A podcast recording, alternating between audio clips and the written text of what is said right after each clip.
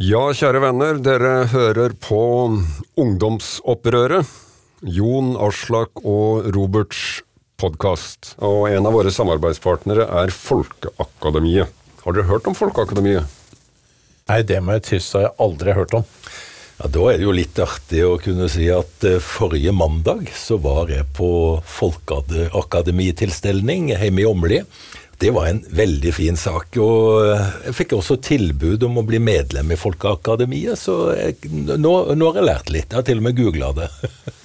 Fantastisk. Jeg skjønner at det er i Åmli det skjer, men, eh, Det er det. men hvor, si, hvor, hvor, hvor har startet dette folkeakademiet, hvor kommer det fra? Ja, Dette kom jo egentlig fra England, hvor det var benevnt som University Extensions. Um, og England på den tida det var jo en, eh, en veldig markant overklasse, politisk og økonomisk. Eh, og så var det da en ambisjon om at man skulle øke kunnskapsnivået i hele samfunnet. Men eh, Norge, da? Først til Sverige, og så til Norge, er eh, historien. Og der var det med vår nordiske tradisjon, da, arbeiderakademier, forelesningsforeninger, som ble selvorganisert på mange måter nedenfra og opp. Og så ble det etter hvert samla i Folkeakademiets landsforbund. Eh, og kalles gjerne egentlig da Folkeakademiet, sånn på folkemunne. Men Vi har jo fått et lite hint, men hva driver de stort sett med i dag? da? Fortsatt folkeopplysning, men det er en revitalisering eh, på gang. Eh, De bruker kunnskap og kultur, men har nå ambisjoner om å ta, ta tak i fire sånne hovedsamfunnsutfordringer. Sikkerhetspolitikk, demokratiutvikling, klima og miljø og mangfold og utenskap. Og flere av disse temaene vil vi eh, naturlig komme innom her hos oss. Spennende. Men hva tenker dere om framtiden, da? Altså, som, som påtenkt nytt medlem, så hadde det vært artig å få vite det? Jo, jeg har snakka med styrelederen Ingvild Berrefjord og generalsekretæren Bjørge Aase. Og de er eh, ambisiøse. De har tatt mål av seg til å bli en faktisk fremtidsretta, synlig og relevant samfunnsaktør. Og, og ønsker da å bidra til den, den store, gode, åpne, offentlige samtalen. Og da er det jo hyggelig for oss å ha de som samarbeidspartner. Ja ja, men da høres ut som en greie som Aslak trygt kan bli medlem i, og jeg syns vi, vi kan godt samarbeide med dem. Ja, så bra. I uh, forrige episode, kjære Jon og Aslak, uh, så snakka vi om verdier. Vi snakka om respekt, vi snakka om ansvar, vi snakka om mot, tillit og, og mye annet. I uh, denne episoden skal vi snakke om eh, ledelse. Ledelse det bygger jo på et verdigrunnlag. Det bygger på en måte å tenke rundt verdier på. Så vi skal ta det med oss, og så skal vi i dag snakke om ledelse. Men før vi gjør det, så eh, skal vi dvele litt ved hva hvilke egenskaper vi trenger for å lede på en god måte, eventuelt hvilke egenskaper vi ikke trenger. Um, jeg har hørt uh, i min, min tid i uh, Forsvaret, og pussig nok også i, uh, fra en annen akademiker, Jon, vil kanskje overraske deg, at følelser har ikke noe med ledelse å gjøre. Skal du lede, så må, så må man ha en rasjonell analyse, og, og, du må basere deg på de rasjonelle konklusjonene og alternativer, og velge handlemåte og gå videre. Og i det, i det regnestykket, om du vil, så hører ikke følelser med. Jeg kan jo da røpe, det er Robert som prater i Jon, Aslak og Robert, kan røpe at uh, etter min mening så er følelser kanskje minst like viktig som uh, intellektet. Men her håper jeg jo at uh, en av dere vil være uenig med meg. Hva betyr følelsene når vår tøffeste av de tøffe går inn i en forferdelig dramatisk situasjon? Er det slik at disse er roboter som er forhåndsprogrammert og ikke har følelser i det hele tatt, eller hvordan henger det sammen? I kraft av å være mennesker, så har de jo følelser. Du kan ikke tenke deg mennesker uten følelser, og sånn sett så bommer nok den mannen som har sagt at han uh, så frem til å ha offiserer og militære ledere uten følelser, men jeg velger å tenke at det han var ute etter, var at det var folk som skulle bruke intellektet sitt litt mer. Og kanskje ikke bare stole på magefølelsen, men også bruke den analytiske delen av hjernen. Og der, der får han jo sånn sett støtte fra forskning, eh, ikke minst Daniel Kahneman, som jo har vist at uh, i sin bok 'Thinking Fast and Slow', tenker fort og langsomt, nettopp dette poenget med at mennesker er mye mer styrt av følelser enn det vi tror. Altså at vi er instinktive, vi er raske, vi er intuitive. Vi lar oss styre av vaner og magefølelsen nesten hele tiden, også i de situasjonene vi burde koblet på vår mer analytiske hjerne. Eh, alle som har kjøpt noe dumt de angrer på ettertid, kjenner jo igjen denne følelsen. Å, du verden, hvorfor kjøpte jeg dette? Og det er jo selvfølgelig fordi selgeren er god til å spille på dine følelser. Men vi mennesker har følelser, og det sentrale blir å prøve å leve på en måte hvor du kan si, bruke dine følelser på en fornuftig måte og innestå også følelsesmessig for det du, det du faktisk tenker og gjør. Må vi bare undertrykke følelsene, eller, eller kan følelsene gi det, den rasjonelle delen av oss eh, hjelp til å treffe gode beslutninger? Jeg tror i høyeste grad det kan hjelpe oss, men vi må stole samtidig på at følelsene ikke er en fasit. Så du må forholde deg kritisk til dine egne følelser, selv om du også skal stole på dem. Det høres jo vanskelig ut, men du må være kritisk tillitsfull til egne følelser, sånn at du ikke nødvendigvis går i samme fella flere ganger. Så hvis den følelsen har brakt deg ut i ulykka, så bør du lytte litt til den og tenke at aha, neste gang den følelsen dukker opp, så skal jeg slå litt alarm. For det er ikke sikkert det egentlig er det lureste å følge den følelsen. Så mm. følelsene er både viktige, men samtidig litt notorisk upålitelige. Så du må være kritisk til dine egne følelser. Jeg tenker jo at uh, følelsene kan være et korrektiv til det analytiske. Uh, altså hvis du står i et uh, vanskelig dilemma eller et vanskelig valg, eller du opplever uh, menneskelig tap, eller du skal gi en ordre som kan føre til Å gjøre det uten følelser, da er vi over på en helt annen skala, tenker jeg. Altså Bare rent praktisk i forhold til mitt eget virke som prest, det å holde en begravelse, det å møte sørgende, en tragisk situasjon, det er klart du føler på det. Men eh, profesjonaliteten, altså det gjør at du er i stand til å mestre en sånn situasjon. Men følelsene vil være der. Og kanskje følelsene gjør at du er i stand til å gjøre en bedre jobb. Ja, Og kanskje så langt som at uten følelsen så hadde du gjort en dårlig jobb. Nemlig. Da hadde det blitt uh, strigent og kjølig. Og, eh, Men ikke troverdig. Du har jo vært opptatt av å uttrykke troverdig og uten nemlig, følelser. Nemlig. Lite troverdighet. Ja. ja. Nå bruker vi jo, eh, la oss si vi rammer inn dette med følelser og, og rasjonalitet, intellekt, eh, ganske teoretisk. Går det an å Går det an å, å, finne et eksempel her som er veldig konkret? Jeg husker jeg ble fascinert av eh, Jeg fikk være med på et, eh, en øvelse eh, som, som, man gjorde blant soldater som skulle selekteres, som, som var, het baklengsstup. hvor altså soldatene sto klare med masse selvtillit og, og helt innbitt, eh, klar til å, bestå alle tester, ikke sant. Mm. Og så forteller instruktøren i dag, i en svømmehall eh, hvor de står, at eh, i dag skal dere lære baklengsstup. Så går han opp på tremeteren mens han prater og forklarer, og han tar armene ned langs siden og går ut på kanten mot bassenget, slik at hælene står akkurat utafor kanten ikke sant, og står med strak kropp.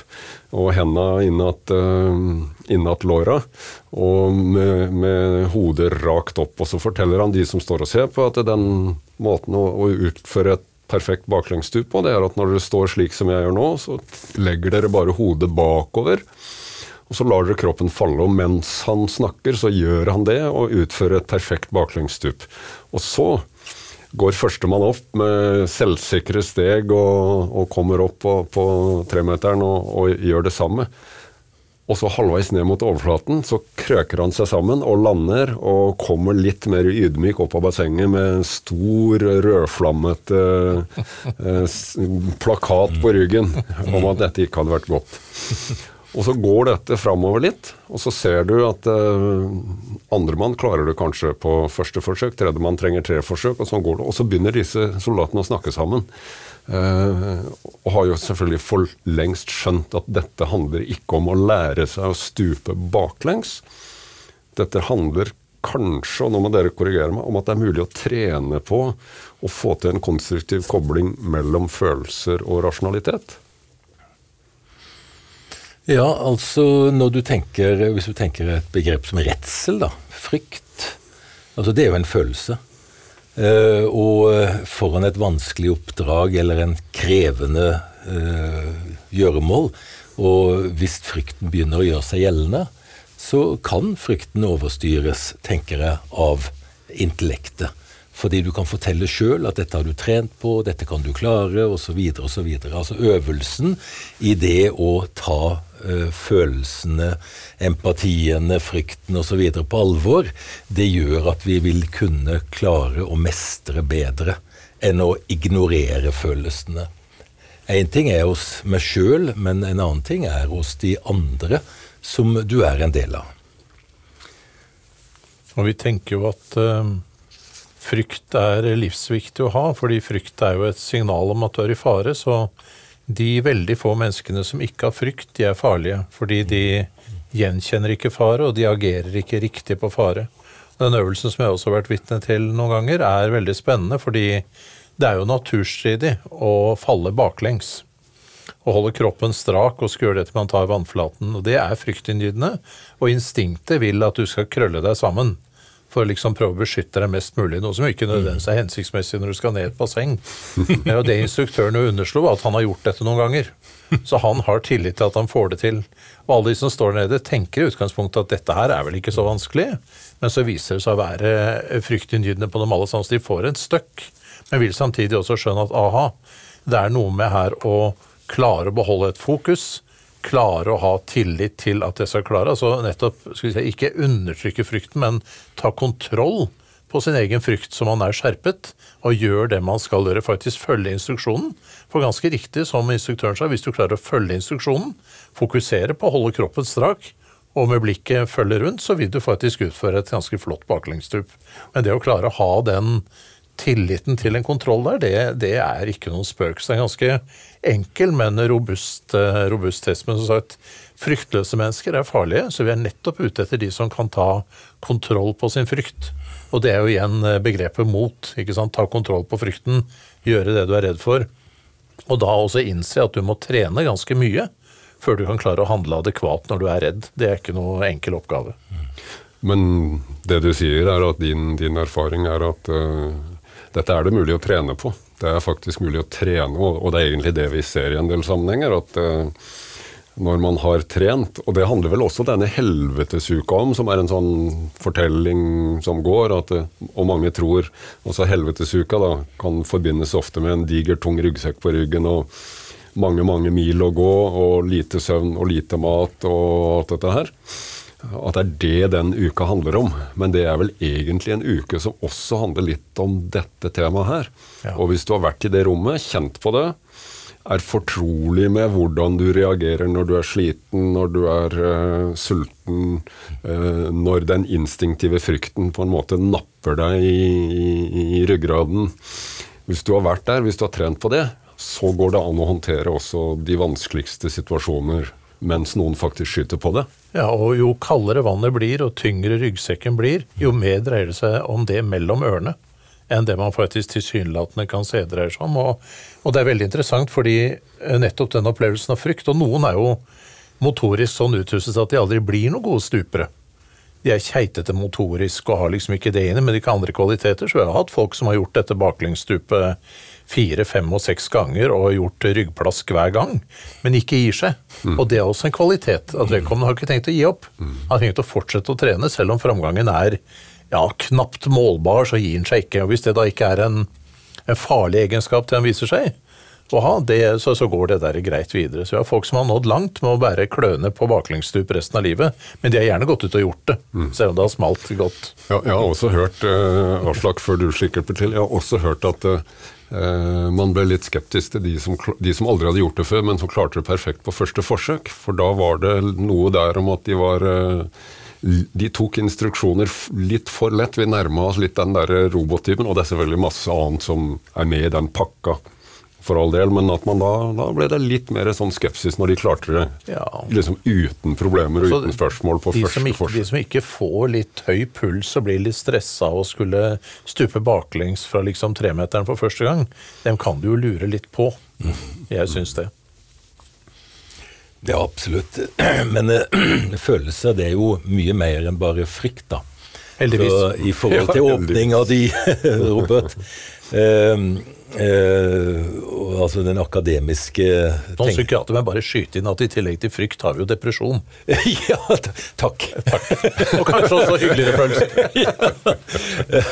Ja, nei, eh, jeg tenker Altså, jo man, må, Da- nå- man snakker jo om kjærlighet mellom menn Ja, eh, som en del av soldatlivet der ute, og ikke i betydningen den kjærligheten vi fort kan forbinde med det, men rett og slett dette samholdet og den, den derre du skal offre, Jeg skal ofre meg for deg, og du for meg. Denne kjærligheten der. Så brotherhood.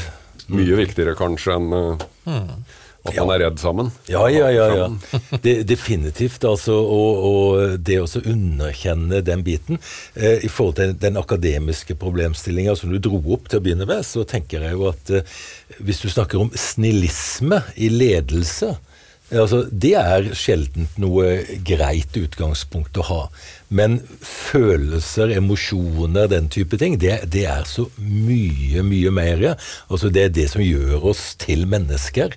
At vi reflekterer, vi savner, vi lengter, vi elsker osv. Eh, Så eh, å løsrive det fra en annen, det, da får vi roboter, altså. Det vil vi ikke ha. Religion, og slakk, som på en måte er, er eh, mer ditt felt enn en, uh, Jon og mitt felt, er jo kjent for å fremkalle og påberope eh, følelser. eh, Både frykt og eufori, for å bruke et sånt ord.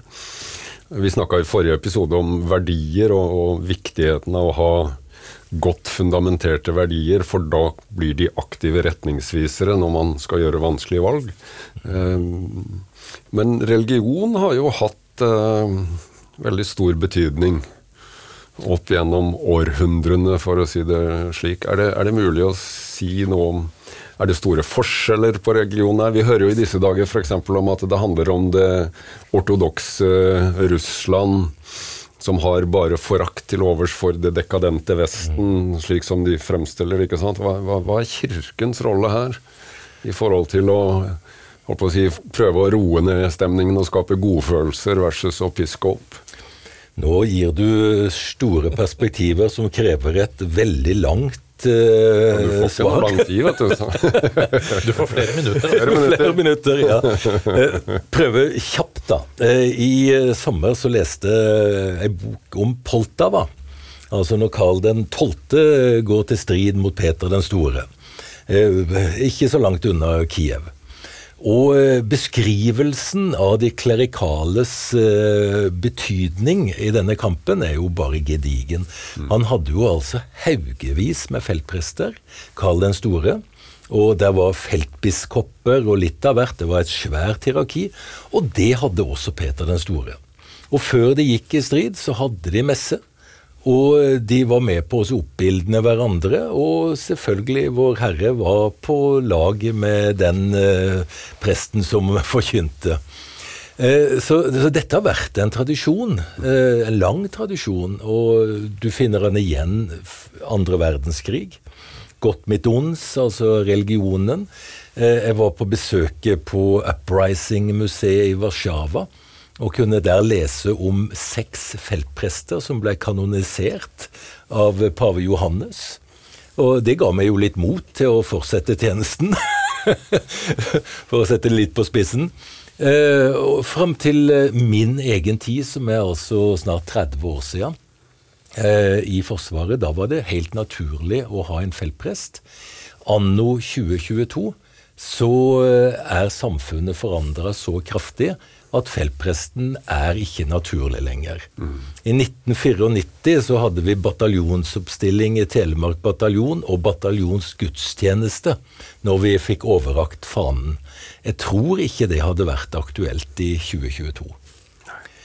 Så stor betydning gjennom mange år, varierende betydning, eh, og ikke alt nødvendigvis like legitimt. Nei. nei. Det var interessant. Men det er, en, det er en interessant utvikling, dette. Og vi har vel gått på de 30 årene fra å være et uh, homogent samfunn til å bli ganske heterogene med hensyn til ikke minst hva folk tror på eller ikke tror på. Men eh, min opplevelse av noe av det viktige med, med religion, er på en måte nettopp det med verdier. Altså det, Mange av våre verdier er jo, så å si, stammer jo fra den kristendommen som har dominert Norge i veldig mange år. Og om man nå tror eller ikke tror på Gud, så er det vanskelig å, å si at de verdiene som må bringes i kristendommen, er direkte direkte gale, og så har de vært forvaltet på mange rare sett, men sånn er det nå. Men tenk på dette, dette med verdier og dette med respekt, altså nestekjærlighet og respekt og disse tingene her, er jo verdier som vi fremdeles er enige om i det norske samfunnet, så jeg tenker at utviklingen gjør det kanskje bare enda viktigere at ledere skal si, ikke sette bort verdispørsmålet til presten hvis presten er ute av bildet, men nettopp står for verdiene selv, altså forvalter verdiene, strekker seg etter dem, og for det er verdiene, hvis du skal ha med deg folk på dem. Så du må vise i kraft av å være leder at du faktisk lever etter respekt, og ansvar, mot, som er på en måte snublende nær disse verdiene som egentlig forfektes i kristendommen. får korrigere meg, sagt, hvis jeg er helt på viddene nå, men Nei, nei, nei, altså for uh, igjen sånn rundt 30 år siden når jeg var på Balkan og var med på Chaplains meeting, så møtte jeg jo uh, katolske, jødiske, imamer sikher, eh, humanister mm. altså, eh, Mange av våre allierte land har en veldig respekt for religion ja. som en del av eh, altså Som noe naturlig i samfunnet. Ja. Ja. Og dermed så var de mye tidligere ute enn enhetssamfunnet og statskirkesamfunnet vårt med å respektere de andre. Ja. Altså De var der for at den enkelte soldat skulle kunne gjenkjenne en tilhørighet. Og det, det tenker jeg kanskje er noe av det viktigste med med feltprestene eller felthumanistene eller hvem det nå er. Så, så, er det å gi soldatene mulighet til gjenkjennelse og tilhø tilhørighet. Og vi prata jo litt om det, Robert, uh, når vi var på julegudstjeneste i Kosovo. Uh, det handla veldig mye om tilhørighet. Og så var det ingen som stilte spørsmålet hvor sterk du trodde, hvor mye du trodde, hvor ofte du gikk i kirka. Men eh, hvis du hadde behov, så var du velkommen. Det høres ut som uh, vi er veldig enige om at uh, intellekt og følelser er nødvendig begge deler når vi skal i det videre snakke om uh, ledelse. Og det høres også ut som vi er enige om at verdier er helt, en helt vesentlig del av fundamentet. Og de forskjellige religionene på, med hver sine styrker og svakheter er også en del av dette. Eh, jeg har lyst til å mm, lede dere inn i en, en veldig veldig kort historie om å lede seg selv, før vi går over i, i ledelse som sådan. Um, for det å lede seg selv Noen hevder iallfall at det er det vanskeligste av alt. Og hvis du ikke klarer å lede deg selv, eh, så vil du ha problemer med å lede et stort fellesskap. Første gangen eh, dette slo inn på en, på en, måte som også har med følelser å gjøre hos meg, det var Jeg er født og oppvokst i Kragerø, men vi var også på småviltjakt oppe i Øvre Telemark.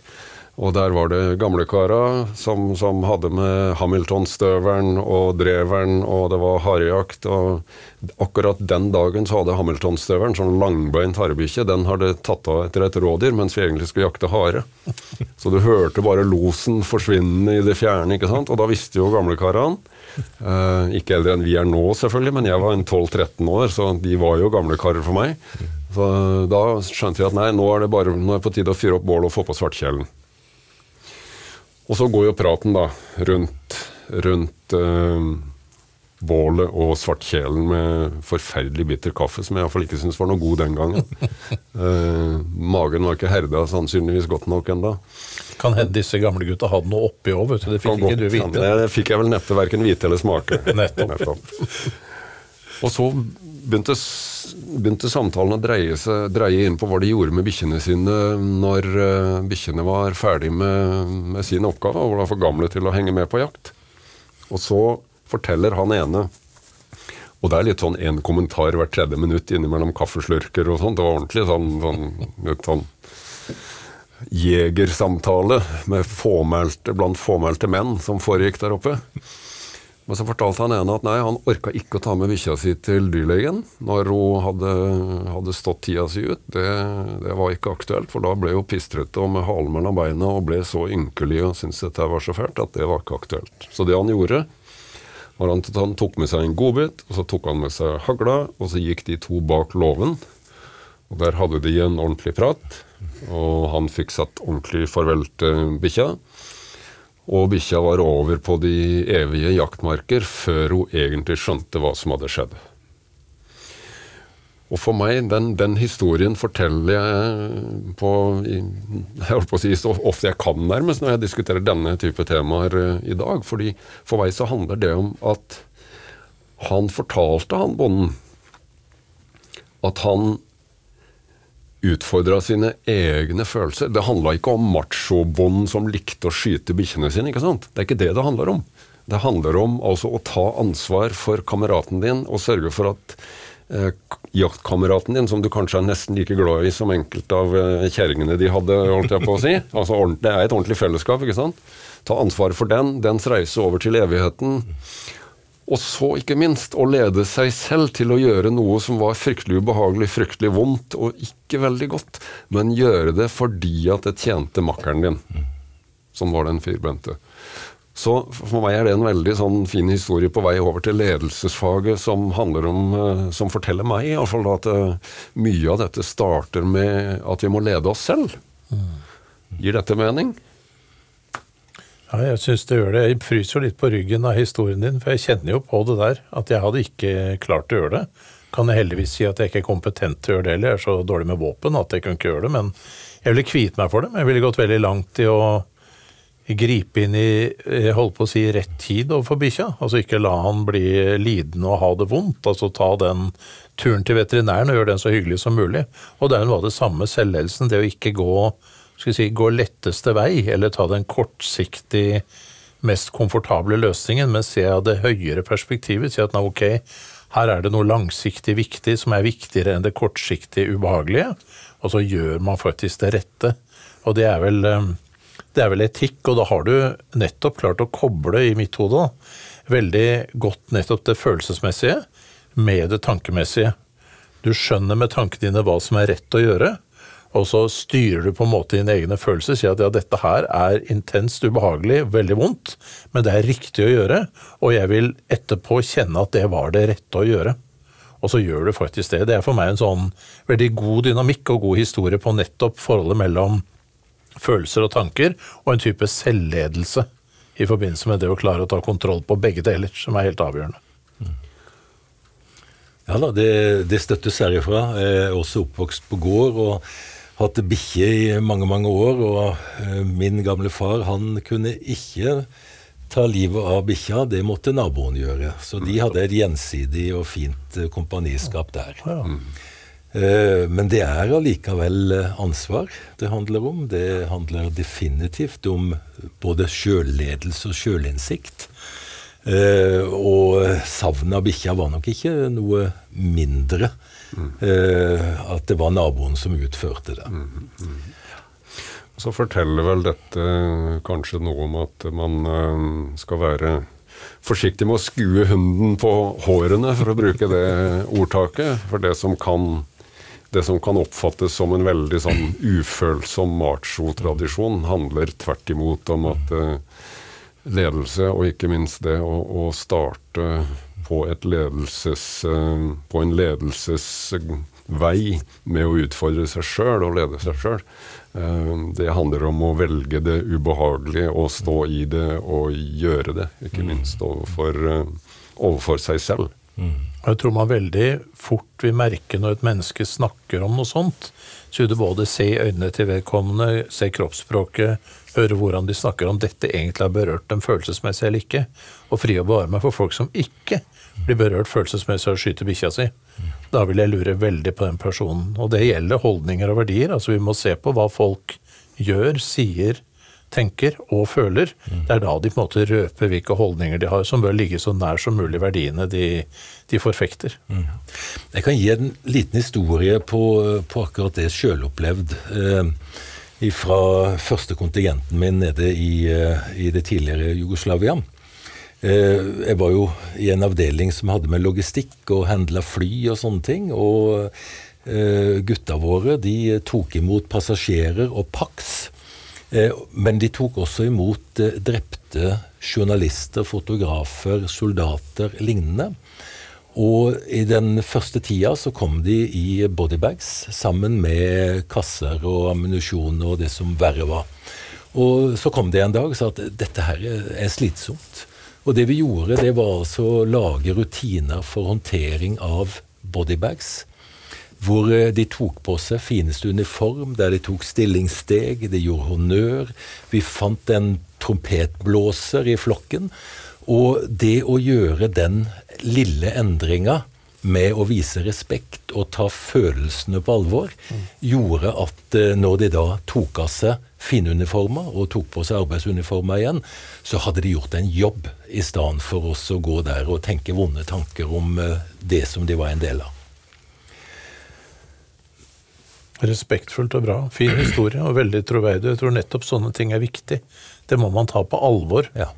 Den dag man begynner å behandle menneskekropper som eh, annet gods, mm. da har man gått glipp av et eller annet. Og det er nettopp det som er viktig med soldater, som vi vet innom, at ikke man tillater at folk blir følelsesmessig avstumpet. For det er det som mm. kan skje når man har mange sterke følelsesmessige inntrykk. Mm.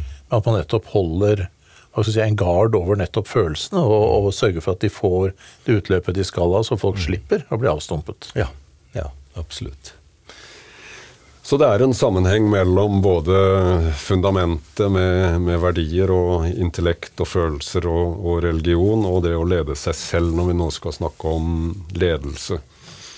Det, det er mye klokskap i små hoder òg, for å si det sånn. Og, og, før vi nå går løs på, på, ledelse, så husker jeg godt Aksel sin død for uh, noen få år siden. En kamerat til uh, guttungen min. Han døde av smittsom hjernehinnebetennelse veldig, veldig ung.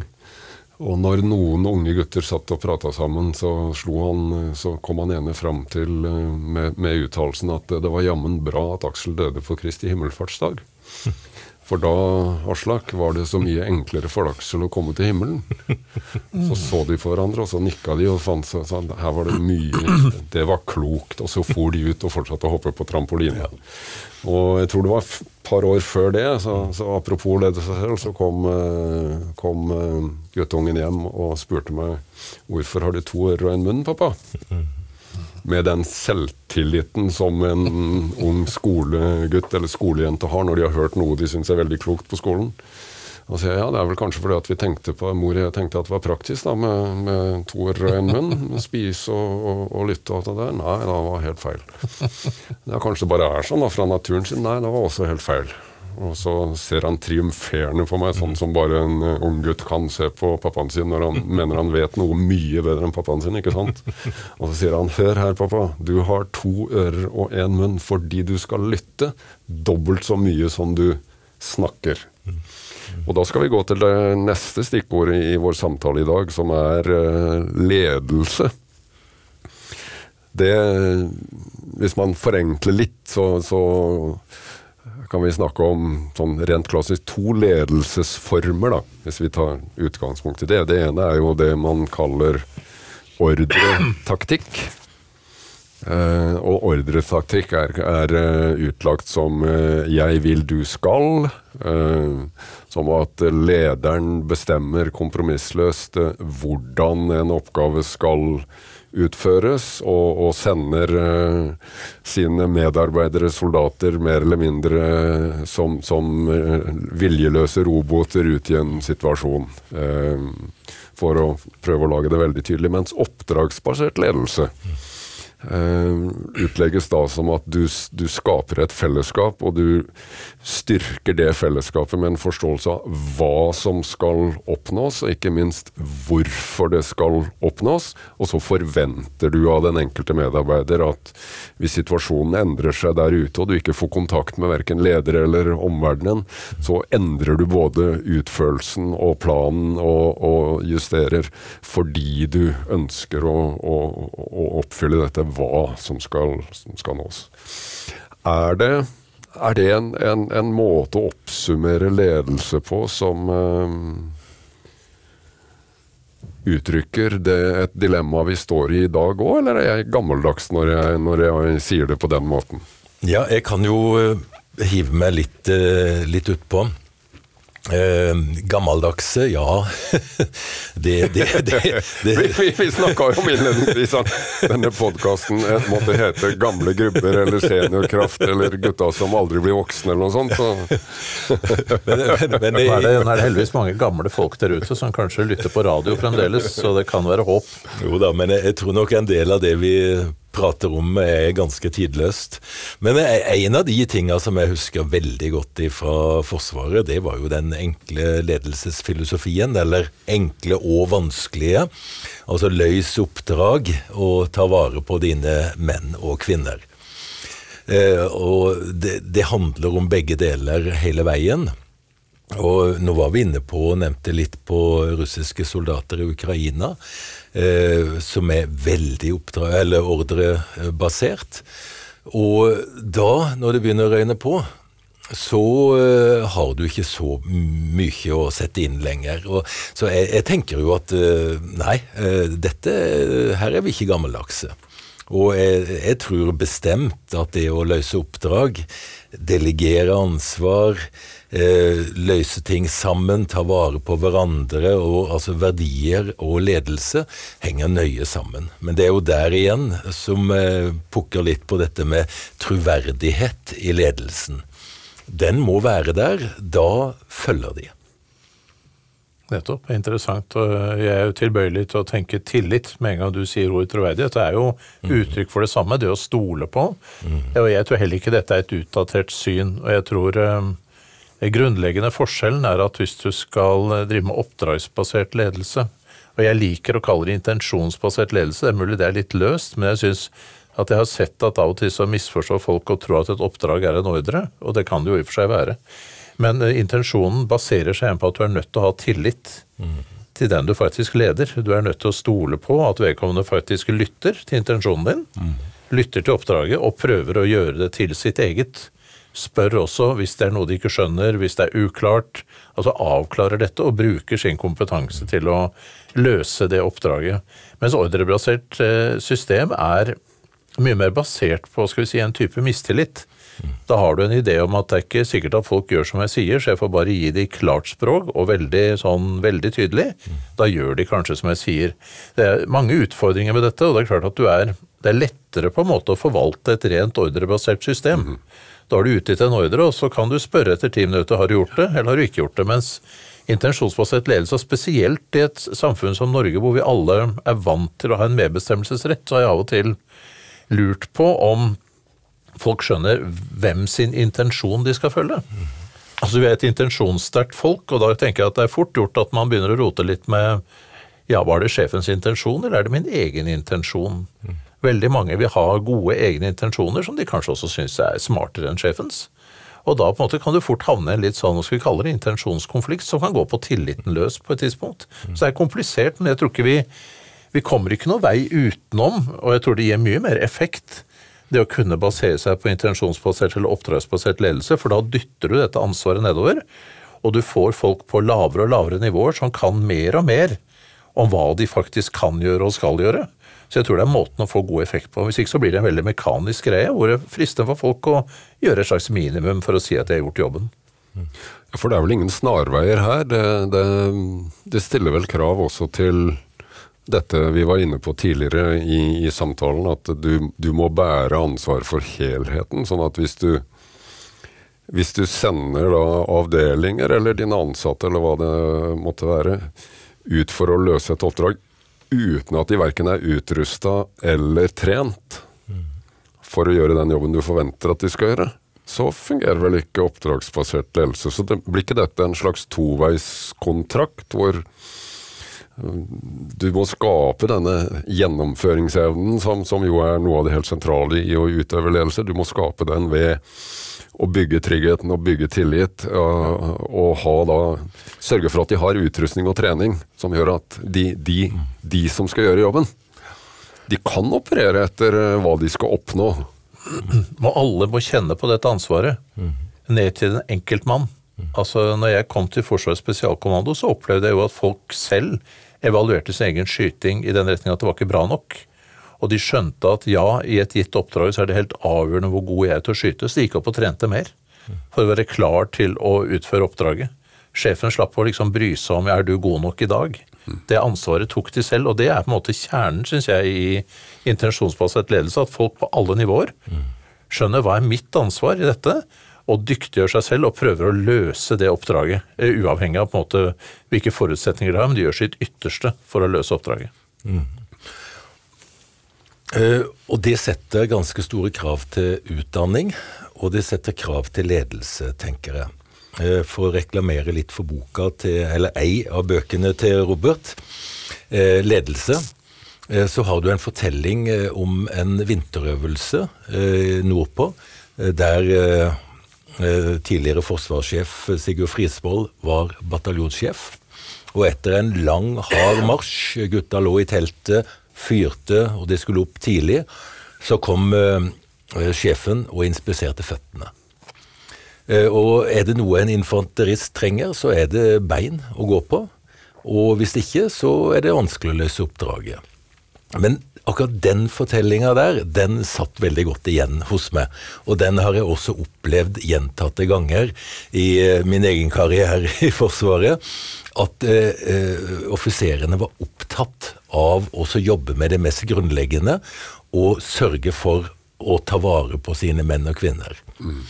Så eh, det stiller krav til, slik at eh, når du kommer til oppdraget, og de skal løse det sjøl, og være i stand til å gjøre de rette valga, så er det noe med den grunnutdannelsen eh, som ligger der, og det de har fått med seg og lært underveis som er viktig.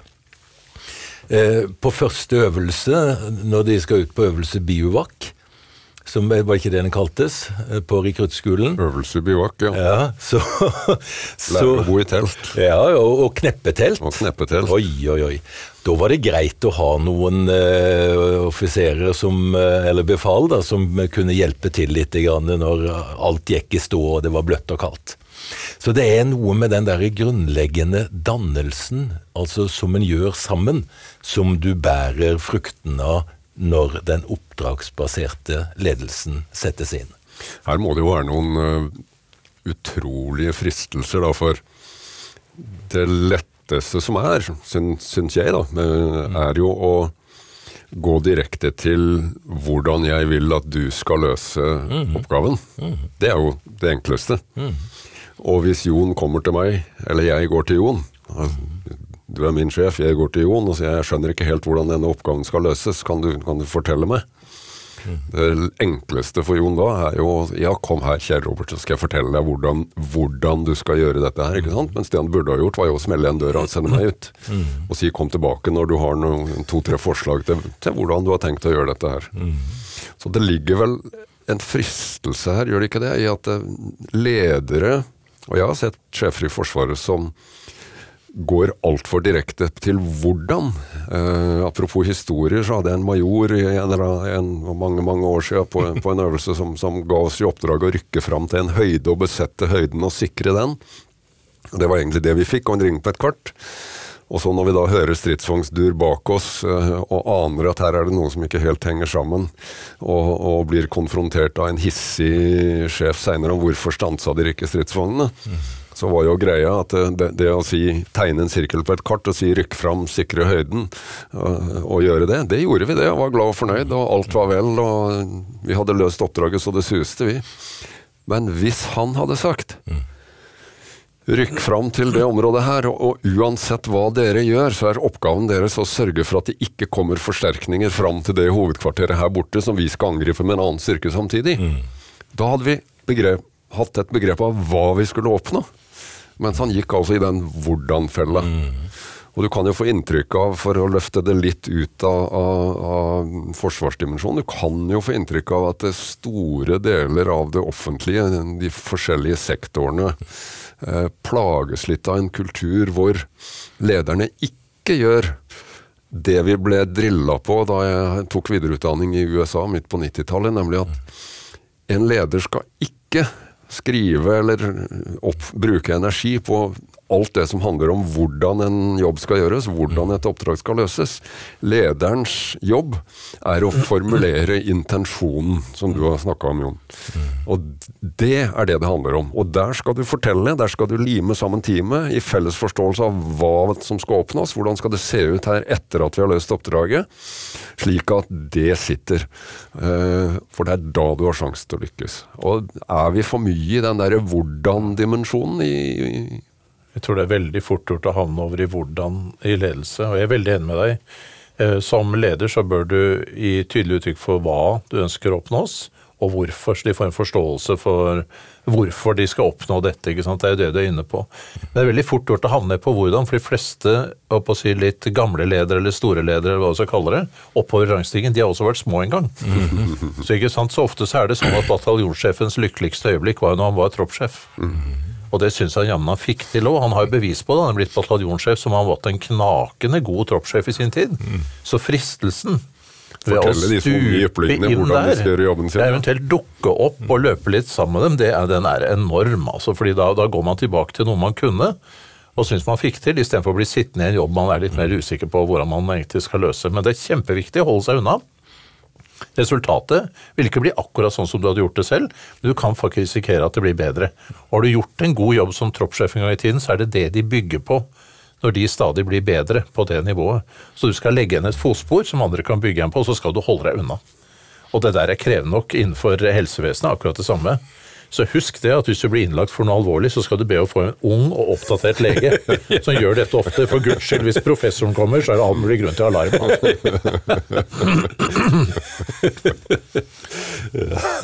For det er lenge siden professoren har gjort det, og han var en god operatør i sin tid, men det har han glemt for lenge siden. Han har antagelig også en foreldet metode ikke sant, som han da skal prøve å grave fram der og da. Og dette var ille alt av meg å si, selvfølgelig, men jeg tror det er poenget er bare at dette fins både i helsevesen og forsvar. Dette er veldig menneskelig.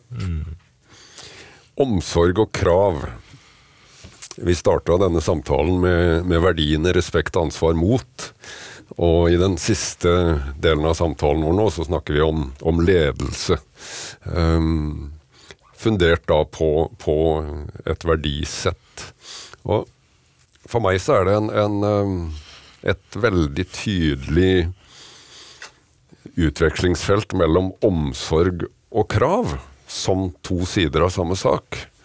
Um, I um, Telemark bataljon uh, Aslak, hvor, hvor vi var i lag, da vi kom tilbake fra Kosovo i sommeren 2000, etter å ha vært der med den bataljonen eh, fra høsten 99 for å stabilisere det sentrale delen av Kosovo, så hadde vi jo med oss vernepliktige på korttidskontrakt, veldig mange unge mennesker.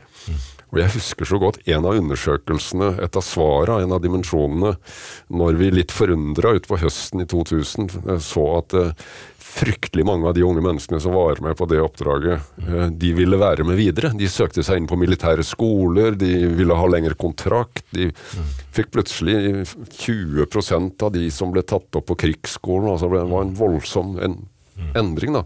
Og når vi prøvde å finne ut av hva dette var, så mener jeg å huske at eh, det vi fant ut, var at de pekte på at vi hadde vist de tillit, og vi stilte krav.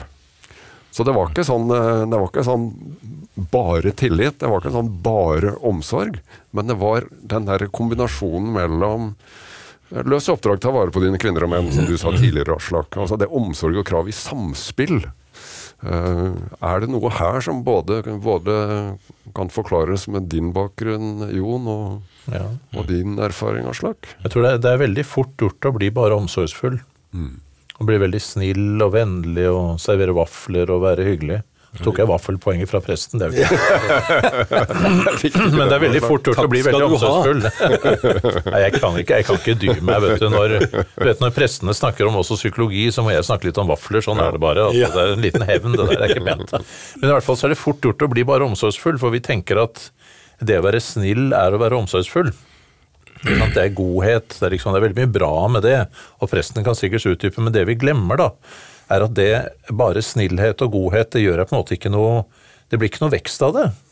Bivirkningen av at alle er snille og omsorgsfulle for deg, at du blir der du er. Du blir sittende under ullteppet ditt og spise vafler og ha det hyggelig, men det er liksom ikke noe jeg tror det er vanskelig å vise noe personlig vekst av å spise vafler. det tror jeg er vrient. Altså, for å oppleve vekst, for å oppleve mestring, for å oppleve det at du liksom blir det Dag Otto Lauritzen kaller en bedre versjon av deg selv, så trenger du at noen stiller noen krav til deg. Altså Enten lokker eller dytter, så du faktisk tråkker litt ut på litt sånn upløyd mark, og erfarer at jøss, jeg fikk til dette òg, jeg, jeg oppnår noe jeg, er blitt, eh, jeg har lært noe, jeg er blitt en del av noe som jeg ikke hadde vært en del av for et år siden. Det soldatene opplevde. Jeg er på annet nivå nå, jeg har lyst til å erfare mer av dette, jeg har lyst til å vokse mer som menneske. Mm. Og det tror jeg er veldig fort gjort å glemme i våre dager, hvor vi har et veldig omsorgsfullt samfunn, hvor du på mange måter kan drive med strømmen uten å uten å egentlig bli stilt noe særlig krav til. Og det tror jeg over tid så tror jeg vi visner litt som mennesker hvis vi ikke blir stilt krav til. Det var litt sterk kost, altså jeg håper presten kan korrigere det der eh, ja, litt pompøse praten. Nei, men det, det, vil jeg gjerne. Takk skal du ha, Jon, for god innledning. Um, en, eh, en, bedre utgave av seg selv, det, jeg er ikke så veldig glad i det uttrykket. Men derimot en god nok eh, versjon av seg sjøl. Altså, eh, da, da, du, da har du kommet ganske langt. Men det å bli bedre enn det du er, altså da må du fake på et eller annet vis og gjøre en del andre ting.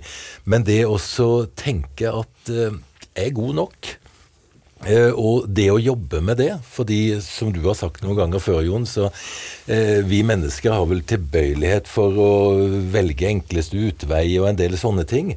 Og det å være god nok, det er jo å komme inn i den eh, sammenhengen der en begynner å fungere sammen og kjenne på at yes, det her jeg, jeg hører hjemme, er en del av dette laget, er viktig for at vi skal kunne løse oppdraget, gjøre en god jobb, være med.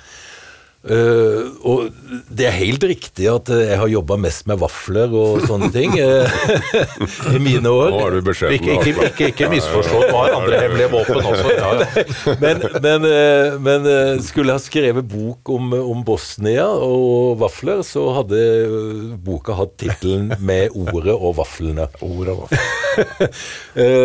og vafler kan gjøre mye godt, ikke bare fordi det er godt i magen og godt i munnen, men det er fordi at eh, det gir deg tilbake den grunnleggende eh, hjemmefølelsen, identiteten, eh, vi gjør noe sammen. Det er en del av det hele. Mm. Jeg har alltid misunt prestene vaflene. Ja, jeg, skjønte det var noe. Så, så, har det vært en Dette er morsomt, for nå kanskje vi har en liten uenighet også. Jeg har jo samarbeidet veldig nært med flere prester. Og jeg har av og til også sagt for å liksom understreke forskjellen, da, i tillegg til at jeg har vært misunnelig på vaflene, så jeg har alltid sagt at Eh, de av dere som lurer på meningen med livet, ja. dere bør ta en prat med presten. Men de av dere som har gjennomskuet det eller oppdaget at det er komplett meningsløst, kan komme til meg. Ja. Så vi har hatt en slags sånn arbeidsdeling der. Men jeg tror, er, jeg tror, ikke vi kanskje er uenige om dette, men jeg, jeg, tror, jeg er veldig opptatt av at vi må ha flere tanker i hodet samtidig. Jeg tror det er viktig på den ene siden å ha et bilde av at jeg er god nok. Mm. Helt enig, men samtidig er ikke det noe i motsetning til å skulle prøve å bli en litt bedre versjon av seg selv hver dag. For ulempe med god nok-tanken, at du kan fort få den derre jepp, nå er jeg ferdig utvikla, jeg er en storartet type, jeg trenger ikke å strekke meg noe mer, og derfor går vi liksom på hvilebluss og spare, sparebluss livet ut. Så jeg er veldig opptatt av begge deler. Altså folk må være si, ha en idé om at jeg er good enough, jeg er gjennomsnittlig. Mm. Jeg er ålreit og hardtarbeidende, men gjennomsnittlig, det er bra. Men jeg vil hele tiden prøve å strekke meg litt, bli litt Jeg vil bli litt klokere, jeg blir litt modigere, jeg øver på å bli mer, altså respektere folk bedre, og jeg blir flinkere med folk. altså Du har liksom de to agendaene samtidig. Mm. Jeg er ikke sikker på om vi egentlig er uenige om det der. altså Litt skuffende det, men Ja, vi kunne sikkert skapt en uenighet her, men, men jeg tror også vi snakker på mange måter om det samme. For eh, det er klart, altså sjøl jeg som begynner å bli en aldrende mann, trener. Og jeg har ambisjon om at neste års Stoltsekleiva opp, det skal bli ett minutt bedre. Så det, det, er mye som Og sånne ting har jeg gitt opp for lengst. Oi, nei, ja, det må du ikke. Eh, det er mye som går an å trenes opp eh, uten at du nødvendigvis skal bli en bedre versjon. Eh, men altså det Gjennom hele læring gjennom hele livet, og trening gjennom hele livet, og du fattelig, altså Vi lærer der, der, er, fremdeles. Det er, det er det Dag Otto Lauritzen også mener med en bedre versjon av seg selv. Det er at han faktisk skal trene og mm. tøye seg litt. Det er ikke noe, mm. er ikke noe magi. Jeg lurte også litt på det uttrykket, men, men han mener det såpass enkelt at det er alltid mulig. At folk ofte undervurderer potensialet. Altså Jeg tenker at du verden har rabla fast at han skal løpe opp Stolsekleiven. Jeg har gått opp der en gang og tenkte aldri mer. Men? Så vi har forskjellige mål, da. Men det er veldig bra å kunne tøye seg litt Ja. mot noe, og samtidig ha et bilde av at jeg er ålreit, selv om jeg ikke klarer å løpe opp Stålsekleiven. Det klarer man å ha begge deler. Jeg må, jeg, må, jeg må jo få lov å opplyse da at uh, jeg brukte noen få sekunder kortere tid opp uh, Stolsekleiva enn Aslak. Nettopp. Stemmer. For noen uker siden. Der skrøt jeg igjen. Det skal man jo ikke gjøre, kanskje. Men Nei, det, det er altså Og jeg vil, jeg verdien av å ha en prest bak seg, det skal man kanskje ikke undervurdere. I trygg forvissning så vil jeg glede meg stort over at jeg vil komme sist opp Stålsekleiven av oss tre. Ja, da kan Og det har jeg vært veldig fornøyd med, for jeg tenkte at da har jeg i hvert fall ikke trent for mye på dette tullet. hadde jeg tenkt da. Men kan vi være enige om at det fins noe som kalles en mestringsstige?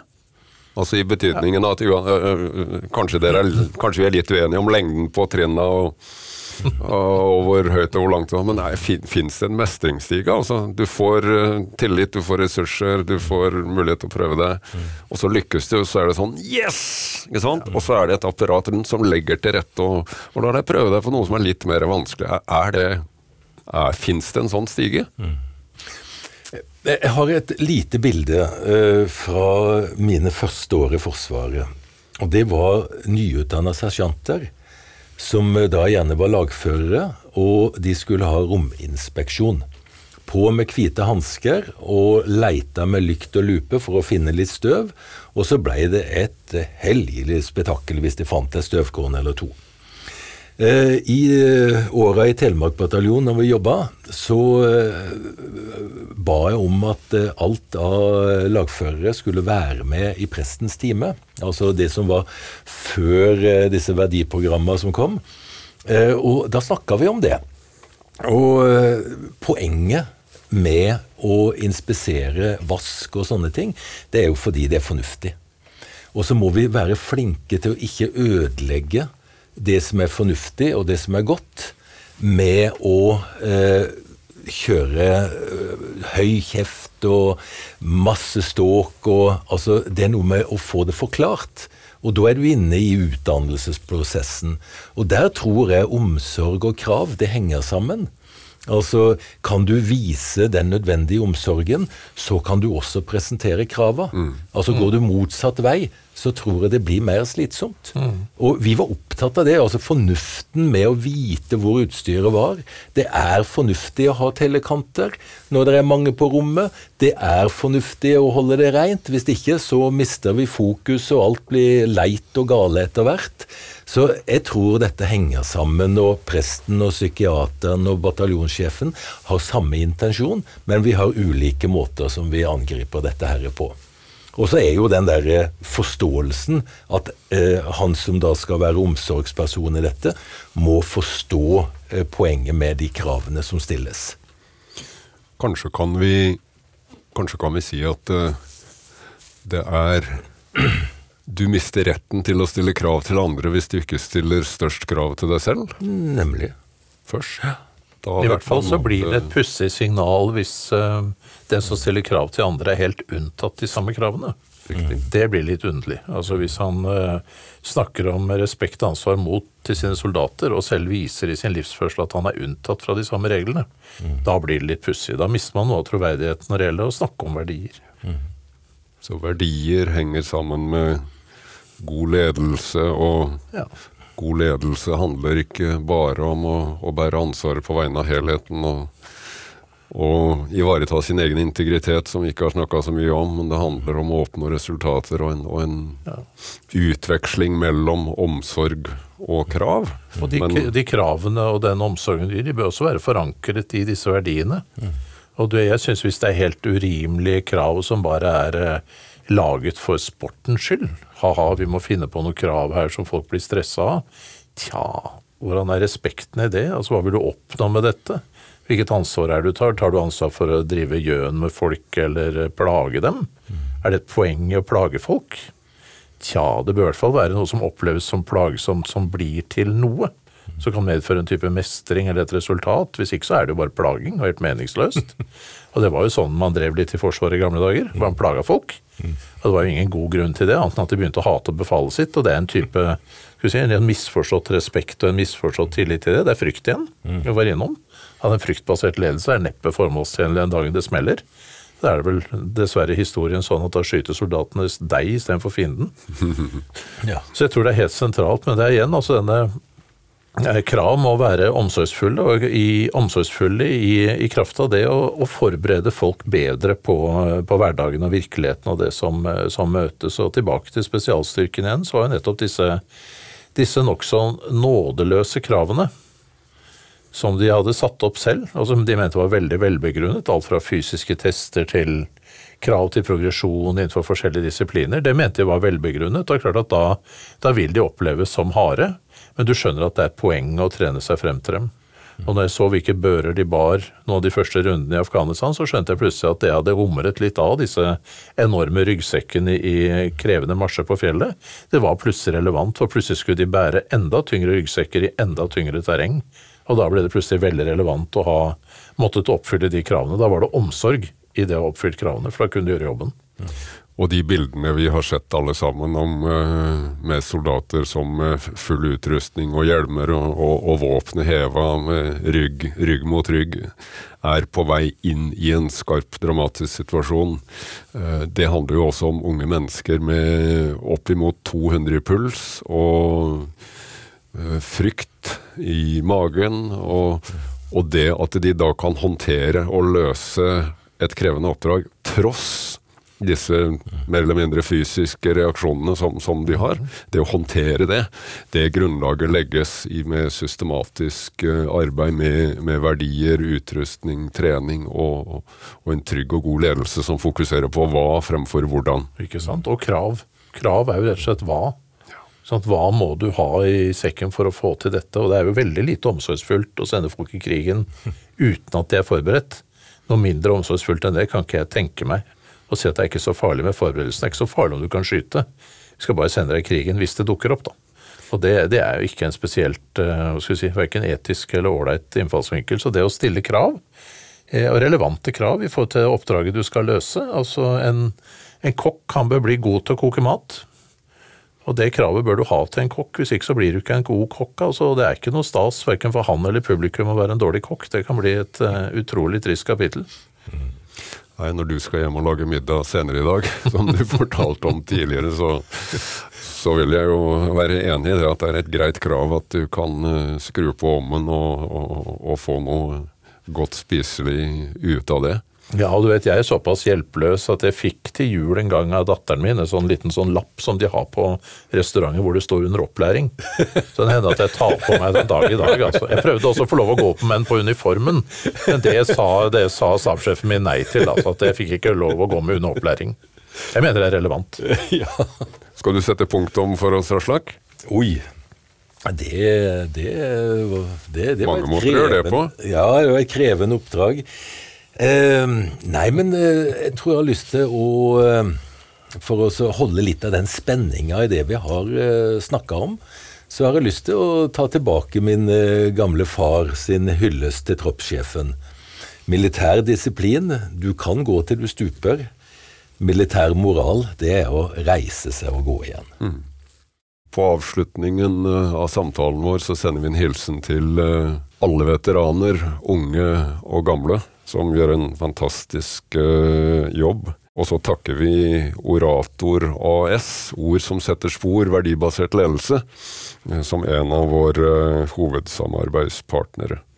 Til dere som har lytta til Jon Aslak og Robert i dag, så kan dere glede dere til neste episode. Da skal vi gå mer konkret inn på demokrati og Ukraina og situasjonen i Europa. Takk for i dag.